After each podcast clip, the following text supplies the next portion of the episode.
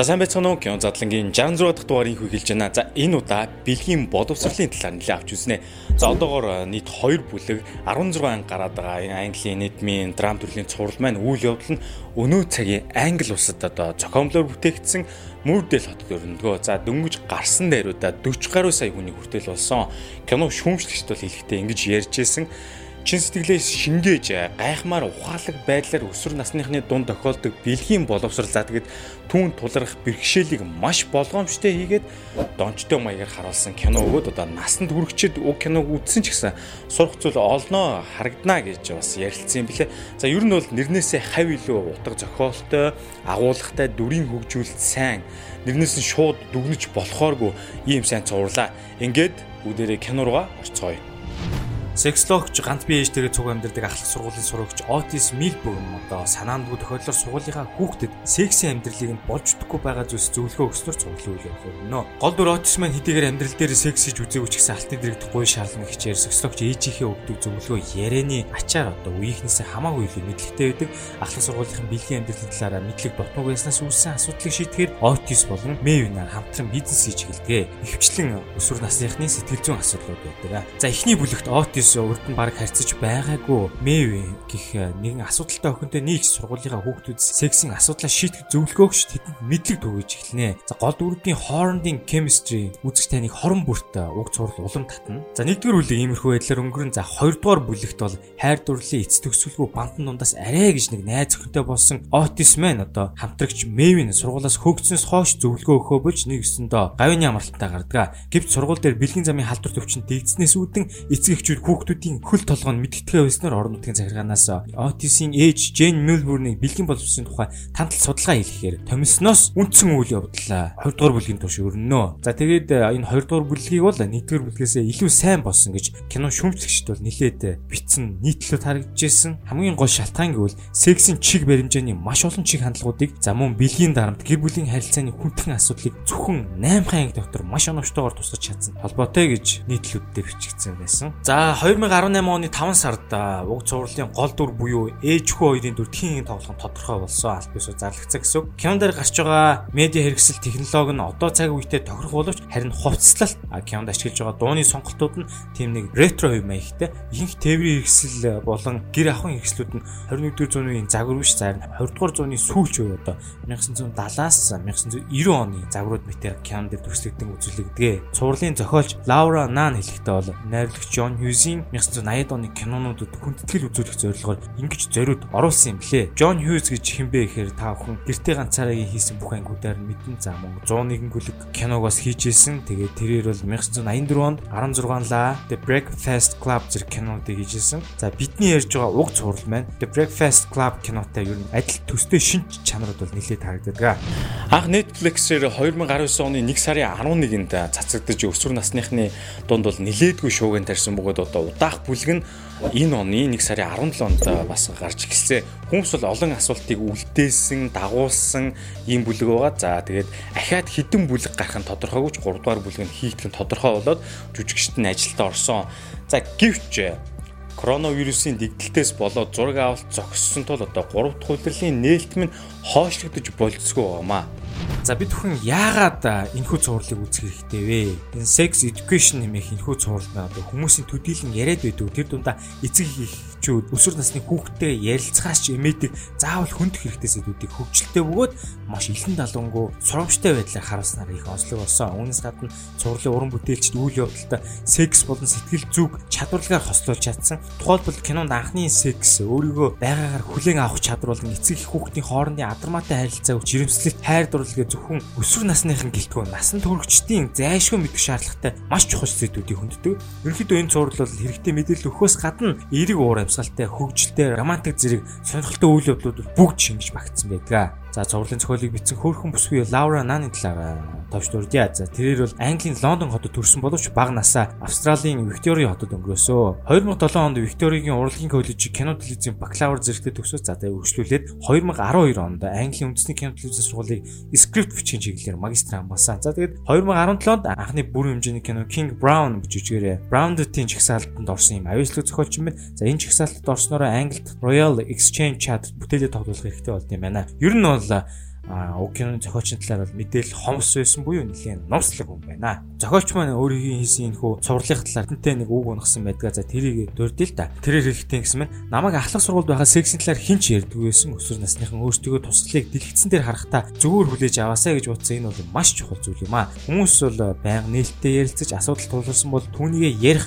түүнийг сонсох боломжтой маш аюулгүй газар одоо хэрэгтэй байна гэсэн санааг болоо. Энэхүү sex education сургалтаа хавчуулан оруулахыг хичээсэ. За бид хүн энэхүү кино хийхдээ зохиол дээрээ ч гэсэн сексийн үзэгдлүүд нь хүүхдүүдийн бэлгийн амьдралыг урагшлуулах эсвэл ямар нэгэн байдлаар бүр үгүй хийчихв гэсэн айцтай байсан тул тодорхой дүрэн баримталж ажилласан. Өсвөр насныхын дүртэй харьцуулбал маш болгоомжтой ажиллах хэрэгтэй байсан гэж цувралын зохиолч маань хэлсэн байдаг. За Sex Education киноны зураг авалтад бол Англи улсын өмнөд Вест дэх Carolina их сургуулийн кампус дээр хинхэн хийгдсэн. За бусад үзэгдлүүдийг бол Wales-ийн Y байгууллагын дагавх газруудад зургийг авсан байна. За сургуулийн бие тамирын заал нь кампусын нэг хэсэг биш өгөөд тэнд бол зураг авалтыг хийгээгүйсөв өөр тусдаа студийн газрын томоохон павильонс янзлаад зураг авалт хийсэн билээ. За тэгээ кинон дээр хүүхдүүдийн өмсөж байгаа хувцсны загвар өнгө, очны атмосфер зэрэгүүд үгээр хэлэнгүй сайхан байсан. Ер нь бол маш сайн төлөвлөсөн гэж хэлж болно. Зургийн зураг авалтын үеэр дотн харилцааны мэрэгчлэн хөтөлбөрсөн авч ирсэн юм байна. Дөрүүдийн харилцан яриа, диалог хөгжүүлэлт бол маш чадмаг байсан. Хүү кино үзэж хаад мэдрэгдэжсэн. За тэгээд э, бас нэг сонирхолтой мэдээ хөвөл sex education цуврал дээр нь хэсэггүй хугацаанд хоорондоо хос болоод гардаг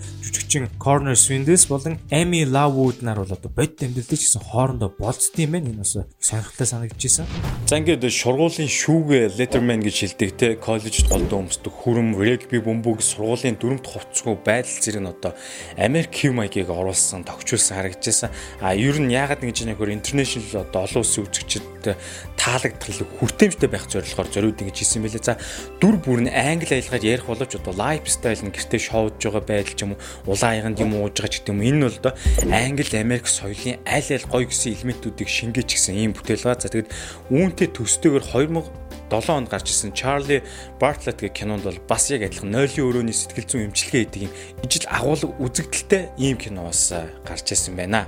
За тэгээд Америкийн дуучин хөгжимчин Ezra Furman Love You So Bad дууг бол энэ дээр дуулж гардаг. За түүнийг өөрийг нь бүр боддоор 1-р бүлгийн 7-р анги дээр сургуулийн бүжигт дуулж байгаагаар та харна. За цаашлаад бол бүхэлдээ киноны арын дэвсгэр хөгжим бол үнэхээр тасархай байсан. Тэгээд энэхүү хөгжимтөөгөө зохицоод эвлүүлэг нь маш гоё уусан шингэж орж ирсэн. За тэгээд та бүхэн цуврал дээр бол голцоохон 1988 онд гарч ирсэн Tank Girl хэмээх комик номны үзэгдэл болон хэсгүүдийг бол байн гарнаа. Хүмүүс ингээ гартаа барьсан ч юм уу ширээний өнцгтөр байгаагаар нэлээд дүрслэгддэг. За ингээ та бүхэндээ гол дүрийн жүжигчин буюу Otis Milburn-ы дүрээр бидэн танигдсан жүжигчин Ace Butterfield-ийг танилцуулъя. За тэрээр 1997 оны 4-р сарын 1-нд Лондон хотын Islington дүрэг төрсэн. За Британий бол нэлээд залуу жүжигчин 7 настайгаас буюу 2004 оноос эхлэн төрөлх хотынхоо чатарт жүжиглж гисэн бөгөөд 2006 оноос хойш телевизийн сурлуудад тоглож жүжигчний гараа гэсэн байна. 10 настай унтлан устай хүү нөх киноны гол дүр буюу одоо Бруногийн дүр тоглосоор карьерын сугч уг киногоор British Independent Film Awards-ыг хүртэж байсан. Ингиж э, томоохон над нэт өвч яхад дөнгөж 11 настай байсан байна. За Оцсын дүр бол одоо анги болгон дээр өөр өөр асуудалтай хүүхдүүдэд зөвлөгөө өгснөөр өөрийн хаагдмал байдлаасаа гарч илүү нээлттэй бусдад харилцах, бусдыг сонсох чадвартай болж байгаагаараа дүрийн хөгжүүлэлт хийгцээ. Ер нь л кинон дээр гарч байгаа тэр хүүхдүүдийн асуудал нь хүн болгонд ойрхон тохиолддог уу тохиолдож байсан асуудлууд учраас үзэж байгаа үзэгчд ойлгоход бол их амархан байгаамаа. За бид хүн түүнийг бол Hugo киногаар бол нэлээд сайн мэднэ. Энэ кинонд бол нэлээд чадварлаг тоглосон. За үүнээс гадна хатагтай Breaker-ийн онцгой хүүхдээ асрамжийн газар гэх киног таагүй санаж. Энэ кинон дээр бас тоглож байсан. Тэгээд яг уг киноны гол дүрийн охинтойгоо нэг хэсэг үерхэд авсан ч бас нэг юм тохиолдол байна. Уг жүжигч маань компьютер тоглоом болон аним манганд бол маш их дуртай өгөөд Nintendo видео тоглоомын төвд бол дэлхийн аврах шалгуулах тэмцээнд хүртэл оролцож ирсэн. Ийм background түүхтэй залуу жүжигч байна. За үргэлжлүүлээ түүний ээжийн дүр буюу X-File цуврал юм дээр мөрдөгч Dana Scully-ийн дүрээр одоо бид бүхэн монголчууд сайн мэдэх бах жүжигчин Julian Anderson-гийн гаргасан дүрийн талаар бас ярилцъя. Яг энэ Sex Education цуврал дээр бол ганц би ээж эсвэл ганц би эцэг эхчүүд тохиолдог бэрхшээлийн дүрийг бол тун нэмшилтэй гарсан. Урд нь харж байгаагүй маш тийм шинэлэг ээжгүй хоёрын харилцааг та бүхэн үг цуглаас анзаарнаа. За ер нь дан ганц өсвөр насныхан гэлтгүү томчуудын хүүхдийн хайр сэтгэлийн тухай үл ойлголцлыг бол энэ дээрээс бас харна. Отисийн ээж за тэгээд цэнхэр нүдтэй нэгэн засварчин ах хүүтэй учир ургуулж байгаа энэ цуврал дээр гардаг. За ингээд үргэлжлүүлээд Мэ Валигийн дүр буюу жүжигчин Эмма Маккейн талаар та бүхэндээ цогц дурдъя. За тэрээр бол Франц улсын Mans хотод 1996 оны 1-р сарын 4-нд төрсэн. За түүний аав нь Франц, ээж нь Англи ийм хүмүүс юм байна. За Франц гаралтай их Британий иргэншилтэй жүжигчин гэж явдаг юм байна. За 2013 онд Англи улстай англи хэл утга зохиолын судлалаар Лици их сургууль хийсэн гоч 2016 төгссөн. За дараа нь Лондонд Тайзны нэрхчээр бас хэсэг ажиллаж байсан юм байна. За ингээд том гутал богино юпг хар хүзүүний зүйлт ретро маягийн хувцалт нь одоо түүний дүрийг чимж өгдгөө бусдад буруугаар ойлгогдсон тэрслэн үзэлтэй хайр дуцсан охины дүрийг бол одоо тэрээр бол маш сайн гаргасан. Тухайн дүрийнхээ туулж байгаа зовлон шанал итгэл найдварыг өөр дээрээ мэдрэгдэхээр одоо тийм сайн тоглолт жүжиглэлтийг гаргасан гэсэн үг. За бас түүнийг бол Margaret Robbie-тэй бол маш төстэй харагдаж байгаа талаар маш олон газар төрдөгчээсаа ер нь хараад гад адилхан живсэг санагдаж байгаа сүултээ бол. За үргэлжлүүлээд э, гол дүрийн жүжигчин Otis-ийн хамгийн сайн найз Eric Effiong буюу одоо жүжигчин Shooty Gatwa-гийн талаар та бүхэндээ дөрдийг жудлаа. За тэрээр бол 92 онд төрсэн. Ерөнхийдөө тухайн кино тоглож байгаа жүжигчнээс арай ахмадна гэсэн үг. Шотландд өсч өндийсэн ийм жүжигч юм байна. Анх бол Африкийн Рванда улсад төрсэн. За Шотландын Эдинбург хотод нүүн шилжин очсноор хүүхднаас нь өнгөрсөн юм байна. За цувралын гол дүрийн залуугийн хамгийн сайн найз гэдэг бид бүхэн мэдэн. За нэлээд тийм шашны итгэл үнэмшилтэй Африк гэр бүлээс гаралтай ижил хүлтэн залуугийн дүрийг бол маш чадмаг гаргадаг. Түүний жүжиглэлт бол үнэхээр сайн байсан. Кино тоглохоос өмнө Шотландын эзэн хааны консерватив тоглож байсан ч за өмнө бол хоёр жижиг цуврал дөрөвтэйсэн Sex Education зураг тоглохоос өмнө 5 сарын хугацаанд бол гэр оронгүй явсан. Аа одоо санхүү ямарлхүү дээ. Тэгээд түүний гудамжинд гаргаагүй ганц зүйл нь сайн найз нөхөдтэй байсан явдлаа юм байна. Тэр өөрөө хожим дараа бүрдэж байсан. За Sex Education кинонд тоглоход бол угжиж маань Шотланд аялгаа засгаж маш хичээсэн бөгөөд энэ талаараа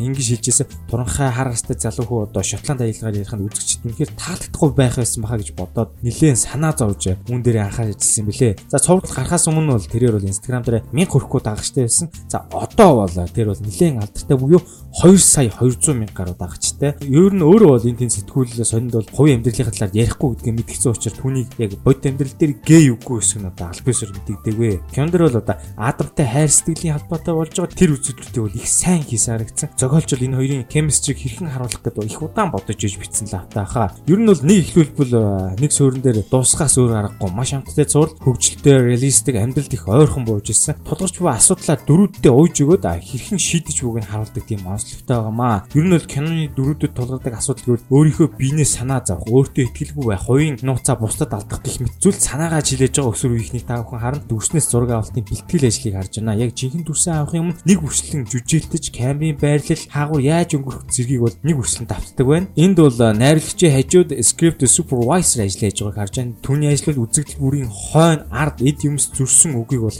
маш нарийн хяндаг юм чухал хүн байгаа. За ингээд дүрснээс та бүхэн хувцсны болон жижиг хэрэгслийн агуулгуудыг харж байна. За тэгээд мөн кинонд гарч байгаа ихэнх тавилга гэрийн доторх хэсгүүдөө шинээр хийж томоохон павильон дотор засаж байгуулсан. Энэ ямар ач холбогдолтой вэ гэхээр өдөржингүү зураг авалт мөн гэрэл тавилт хийхэд бол амар байдгаа продакшн талаасаа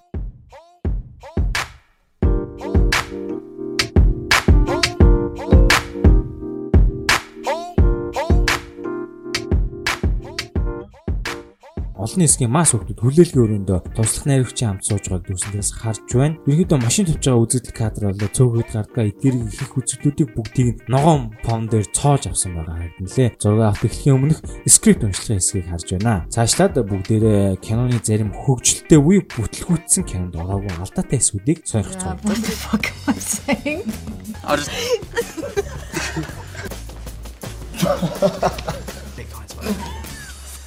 Good. I'm sorry. I'm sorry. I'm sorry. За биднийг 10 жил байхад эрүүл мэндийн хичээл гэж нэг таарах юм ордог байсан. Ер нь бол эхлээд нэг гайгүй нөхөн өрчгөн ингээд нэг хитэн дэлгэрэнгүй хичээл явж байгаа да явцын дундаа багш нь солигд юм уу яад тэгэл нэг сэдвэн бүр ингээд ядруухан болоо сонирн болоо явчихсан. Ер нь одоо ингээд дунд сургуулиудын хөтөлбөр одоо эрүүл мэндийн хичээлийн хөтөлбөр ямар сайжрсан сайн мэдэхгүй. Ямар тач энэ цувралд гардаг зүйлсийг аав ээж гэлтгүй багш нартайгаа ч гэсэн сайн ярилцдаг байвал хүүхд цаашдаа одоо нээлттэй болж томоочнуудад амжих гэж бодож байна. За тэгээд бид гадагшаад төгшөө тэнд явж байгаад одоо сэтгэл судлалын тал дээр хитрхи хоцрогдсон гэдэг бол маш ихээр мэдэрдэг. Тийм учраас бүгдээрээ энэ талаа хөгжүүлцгээе. За тэгээд ер нь хүн бол бусдаас тусламж хүсэх нь бол тийм муу зүйл биш ээ. Бидний амьдрал байдаг зүйл шүү дээ гэдэг энэхүү кинонд бол маш гоёор харуулж ирсэн. Цаашлаад бэлгийн маш олон чиглэлийн хандлагыг харуулж нийгэм хүлээ авах үе ирсэн гэдгийг бас хөөрхөн цуулгаад авдаг. Ер нь ихэнх цуврал гол дүр дээр тоглолт хийдэг бол Sex Education киноны хувьд бол бүх дүр нь жигд хөгждөг. Дүр болгон өөрийн гэсэн дуу хоолойтой, хэлэх гэсэн санаатай, сторитой байдаг. Энэхүү энэ одоо дүр болгоны туслах дэд сторийн үндсэн зохиолдол маш сайн дэмжлэг болж өгдөг. За ингээд цувралын нэгэн дүр болох Эми минь автобусан бэлгийн дээр хамтанд ордгоо. Тэгээд энэнгээр юу хийж ийм нэхэ олон нийтийн газар за нийтийн тээврийн эрсэл ч юм уу хин нэгэн эрэгтэй хүн эмэгтэй хүний бид санаатаагаар хүрх зүйл тохиолддог. Ялангуяа Монголын нөхцөл байдал. Энэ эмэгтэй хүмүүс одоо октоудад сэтгэл санааны хувьд ямар их сөргөөр нөлөөлдөг хор хөнөөл ихтэй байдгийг бол энэ хүү кинонд гарч байгаа үзэгдэл бол маш сайн харуулна. Ийм зүйл тохиолдсон үед өөрсдөө төлөө дуурч хэлэх ёстой газар нь хэлэх хэрэгтэй шүү гэдгийг киноноос та бүхэн хардгаа. Хүн харахад юу ч болоогүй зүгээрээ гэж хэлэлт явдаг ч дотроо бол зовдөг сэтгэл санаа тавгүй байдаг талаасаа бол октодыг бол бусдад ойлгохоор сайн дүрсэж чадсан. Мөн хин нэг нь сайн буюу шохоорхдаг, крашлж явдаг бол дотроо хадгалаад байлгүй сэтгэлээ онгойтл хэлэх хэрэгтэй. Энэ аль алиндаа ашигтай буюу нөгөө хүн чинь бодлогч мэдээд авчин чи ч гэсэн доторч онгоч нь яг үүнийг уг цувралыг үтсэн хүмүүс бол сайн мэднэ. Бараг санааг нь аваад хэрэгжүүлж байгаа байлгүй. За тэгээд үргэлжлүүлээд уг цувралын над хамгийн их таалагдсан маш гоё эсгүүдийг дурдъя. За ингээд сургуулийн заалан дотор октод нэг нэг өмөрөд бүгд босоод it's my vagina гэж хэлдэг хэсэг бол их давгүй шийдэл санагдсан. Бас тийм хөгжилтэй. Октод хамтдаа юм хөгжлөх байгаа үзэгдэл харагдж байсан. It's my vagina. No, it's my vagina. No. It's my vagina. It- I also have a vagina. Well, congratulations. Please sit down. It's my vagina. Мөн Otis шүн оройн цагаар Мэвтэй хамт явж хагаад хүүтэн болонгууд нь Мэвд өөрхөө цамцыг өмсүүлдэг. За тэгсэн чинь өнөөх цамц нь томдооч юм уу маш урт танцуутай болж таардаг. Тэгтэн Мэв хэлдэгтэй. Чи ч одоо ямар урт гартай юм бэ гэхэд Otis шууд цамцных нь ханцуг хоошоо шууж өгдөг үзэгдэл бол маш тийм романтик акшн харагдажаасаа. Ер нь бол киноны гоё эсгүүдийн нэгт бол зайлшгүй орно. За цаашлаад Мэв үр хөндөөлт хийж байхад хүний гадаа нь Otis тасралтгүй дуустал нь хүлээж байгаа хэсэг гардаг. Энэ бол тухайн дүрдээ нийцхүүц санагдчихсан. За бас нэг хөгжилтэй эсүүдийн нэг бол гол дурын залуу Otis Man хүүхдүүдэд зөвлөгөө өгөх гээд судалгаа байдлаар порно үзэж байдаг. За тэгсэн чинь гинт хаалгыг нь нойлын өрөө гэж андуураад оолоо ороод ирдэг хэсэг бол үнэхээр савах шахсан. Бас хөгжилтэй эсүүд байдаг. Маш их сандардаг Otis. За яг үүнтэй бас адилхан Otis Man бол дандаа тийм awkward moment ихтэй дүр байдаг. Тэр нь юу гэхээр ээж нь ингээд явсан явгар машин дотор нь юм masturbate хийж байгаад ээжтэй баригддаг бол өстө бүр савах шахсан бүр үнэхээр алиа хэсэг байсан. Тэр нэг тав хаад дүрсээс харж энэ тэр цонх руу ингээд үсчээд нүүр амаа дараад Гэртээ нэгэн томоохон парти хийж байгаад зандангаа тайлсан Otis Man эмийн сангаас жирэмсэлтэй сангамалах им авах гээд далан булчирхаагаа тоочж үүлээ үзэж байгаа хэсэг гардаг. Энэ бол яалтчгүй татаахаар хэсэг яг ингээд киногоо үзэж байхдаа яг тэр мэдрэмжийг бол харнаа. His penis. He's paying for it. Мөн сургууль дээр нь бэлгийн замын халдвар төвчин гарахад нэг нөхөр маск зараад явж байгаа үзэгдэл гардаг. Энэ бол маш хөвгчлээ санагдчихсан. Тэгээ Otis хэлдэгтэй. Наа чи маск зараад нэмэрхүү ш' тэн чин нөгөө өөр байдлаар халдвардаг штэ гэхэд нөгөө нэг маск зарж ирсэн нөхөр нь чихэндэн живэндэ те. Бити миний бизнесийг унах гад тэгээ цаашаа явчихдаг. Энэ хэсэг бол бас маш хөвгчлээ байсан. Би ч гэсэн 10 жилдээ мөнгө зээлдүүлэх үйлчлэгээ хийж л байсан. Тэр санаад орсон шүү. Please don't know what today. Don't kill my business, man. За тэгээд кинон дээр Otis Eric хоёрын нөхөрлөл маш зузаан харагддаг. Бүр жинхэнэ Антнес нөхөр гэж юу болохыг эндээс харуулна. Мэдээж Eric киноны зохиол дээр бол тэр хоёр бол маш багасаа хамтдаа найзсан байгаа. Мут үедээ ч сайн шүү муудад аванд бас эвлэрэх үедээ ч эвлэрсэн шиг эвлэрнэ. Ийм найзуудын дүрийг та бүхэн харнаа. Уг зурлаас нэг зүйл анзаарс хүмүүс бол хин нэгэндээ сайхан үгийг бол харамгүй хэлж ядгаа. Жишээ нь өмсөн утсан таалагдсан юм шууд сонголтыг нь магтдаг ч юм уу. Шууд илэрхийлж хэлдэг. Энэ бол одоо бас бидэнд бас баймаар байх чадвараа одоо жишээ нь хөршүүдтэйгээ мэдлэгч юм уу те. Day. The kimono. Oh, love the jumper. Look at that. Wow. За ингээд эцэст нь уг киног базаад хэлэхэд бол өсвөр үеийнхэн Generation Z нар бол заавал үзэх хэрэгтэй кино гэж бодож байна. Мөн бусад хүмүүс ч гэсэн уг киног үзснээр илүү нээлттэй бол хосууд илүү ярьцдаг болсноор гэр бүл салж гисэн багасгах эерэг үр дүн бүхий кино гэж бас нилээд кино шүүмжлэлт бас бицээ харагдан лээ. Ер нь аав ээжүүд төрсэн ганц хүүгээ гей гэдгийг мэдвэл хизээш таатай хандахгүй. Энэ бол ойлгомжтой. За тэгэхэд кинон дээр бол Эрикийн аав ээжт нь хэлэхгүйгээр хэцүү бүхний хүүхдийн нуруундаа өрн явсаар эцэст нь хөлөөн жившөрж байгаа эсвэл кинонд харагдчихсан. Отис бол ээжийнхээ өгдөж яншихыг бол цааргалдаг ч гэсэн энэ өөрийн төлөө байсан гэдгийг эцэс бол ухамсарладаг. За мөн уг цувралаас ухаарсан нэг зүйл юу вэ? Хэрв та А болбол гэр бүлийнхээ уур амьсгалд нэлээд анхаарал хандуулж хүү өгнөртөө дарамт мэдрүүлэхгүй байх ёстой одоо энэ сургуулийн ахлах багш буюу захирлын дүрээс бол олж харах гэх мэт дөрв болгоны цаана ямар нэгэн санаа агуулж байгаа нь уг цувралыг бичсэн зохиолчийг бол магтмаар санагдчихсан. Хамгийн гол нь бидний үед бэлгийн боловсролын талаар олж мэдэх нь нэг тийм буруу зүйл юм шиг хориотой ч юм шиг тийм сэтгэл мэдрэмжийг бол хүүхдүүдэд бол суучсан байсан. Одоо цаг үед л зоригтойгоор үүнийг дэлгэн ярилцаж байх нь зөв юм шиг санагдсан. За хэрвээ та аав ээж болсон бол хүүхдтэйгээ энэ сэдвийг зайлшгүй хөндөж байх хэрэгтэй юм аа. За тэгээд хүүхдийн дэргэд эцэгхийн харилцаа ямар байх хэрэгтэй талаар мөн хангалттай зөвлөгөө болохоор кино байна гэж харагдажсэн. Эцэгхийн хоорондын зохисгүй харилцаанаас болоод хүүхдэд хэрхэн траума буюу одоо нэг хэсэндээ бага насны одоо сэтгэл зүйн өвчнөхтэй ийм зүйл үүсч болдог зэргийг бол хөнгөн бөгөөд хөвгөлтэй маягаар харуулсан жишээ нь бол Otis тэр анхныхаа сексийг хийх гэж чаддгүй үзэгдэл тэр та бүхэн хардаг багт нь аавах хийж байсан зүйл бодогдоод ухаалдаг гэсэн юм. Гэх байдлаар гардаг. За та бүхэн цувралыг зүгээр нэг нэмэх 18 гараад байдаг цуврал бишээ. Харин юунаас анхаарч юунаас болгоомжлох ёстой ямар үед юу хэ мэдэж авах ёстой буюу нэг ёсондоо үзэгчдэд боловсрал олох цуврал гэдэг талаас нь зэрэг гэж үсэ. Ингээд хин нэгнийг болон өөрийгөө та байгаар нь хүлээж аваарай. Таны хайртай хүмүүс ойр дотныхын чинь өөрийнхөө хүслээр ад жаргалтай амьдрах хэрэгтэй болохоос биш таныг ад жаргалтай байлгах гэж дотроо зоох ёсгүй гэх санааг бол одоо уг цуврал маань сайн харуулсан. Үцгэд үнэхээр урамтай анги болгоны цаана санаа нь бол маш их юм бодогдуулахаар ийм сайхан цуврал Ингээд ийхүү кино задлангийн 66 дахь дугаарыг дөрөв өндөрлөж байна. Хэрвээ таалагдсан бол найзуудаа шеэр хийж түгээгээрэй. Ингээд дараагийн дугаар хүртэл түр баяртай subscribe дарахаа бүү мартаарай.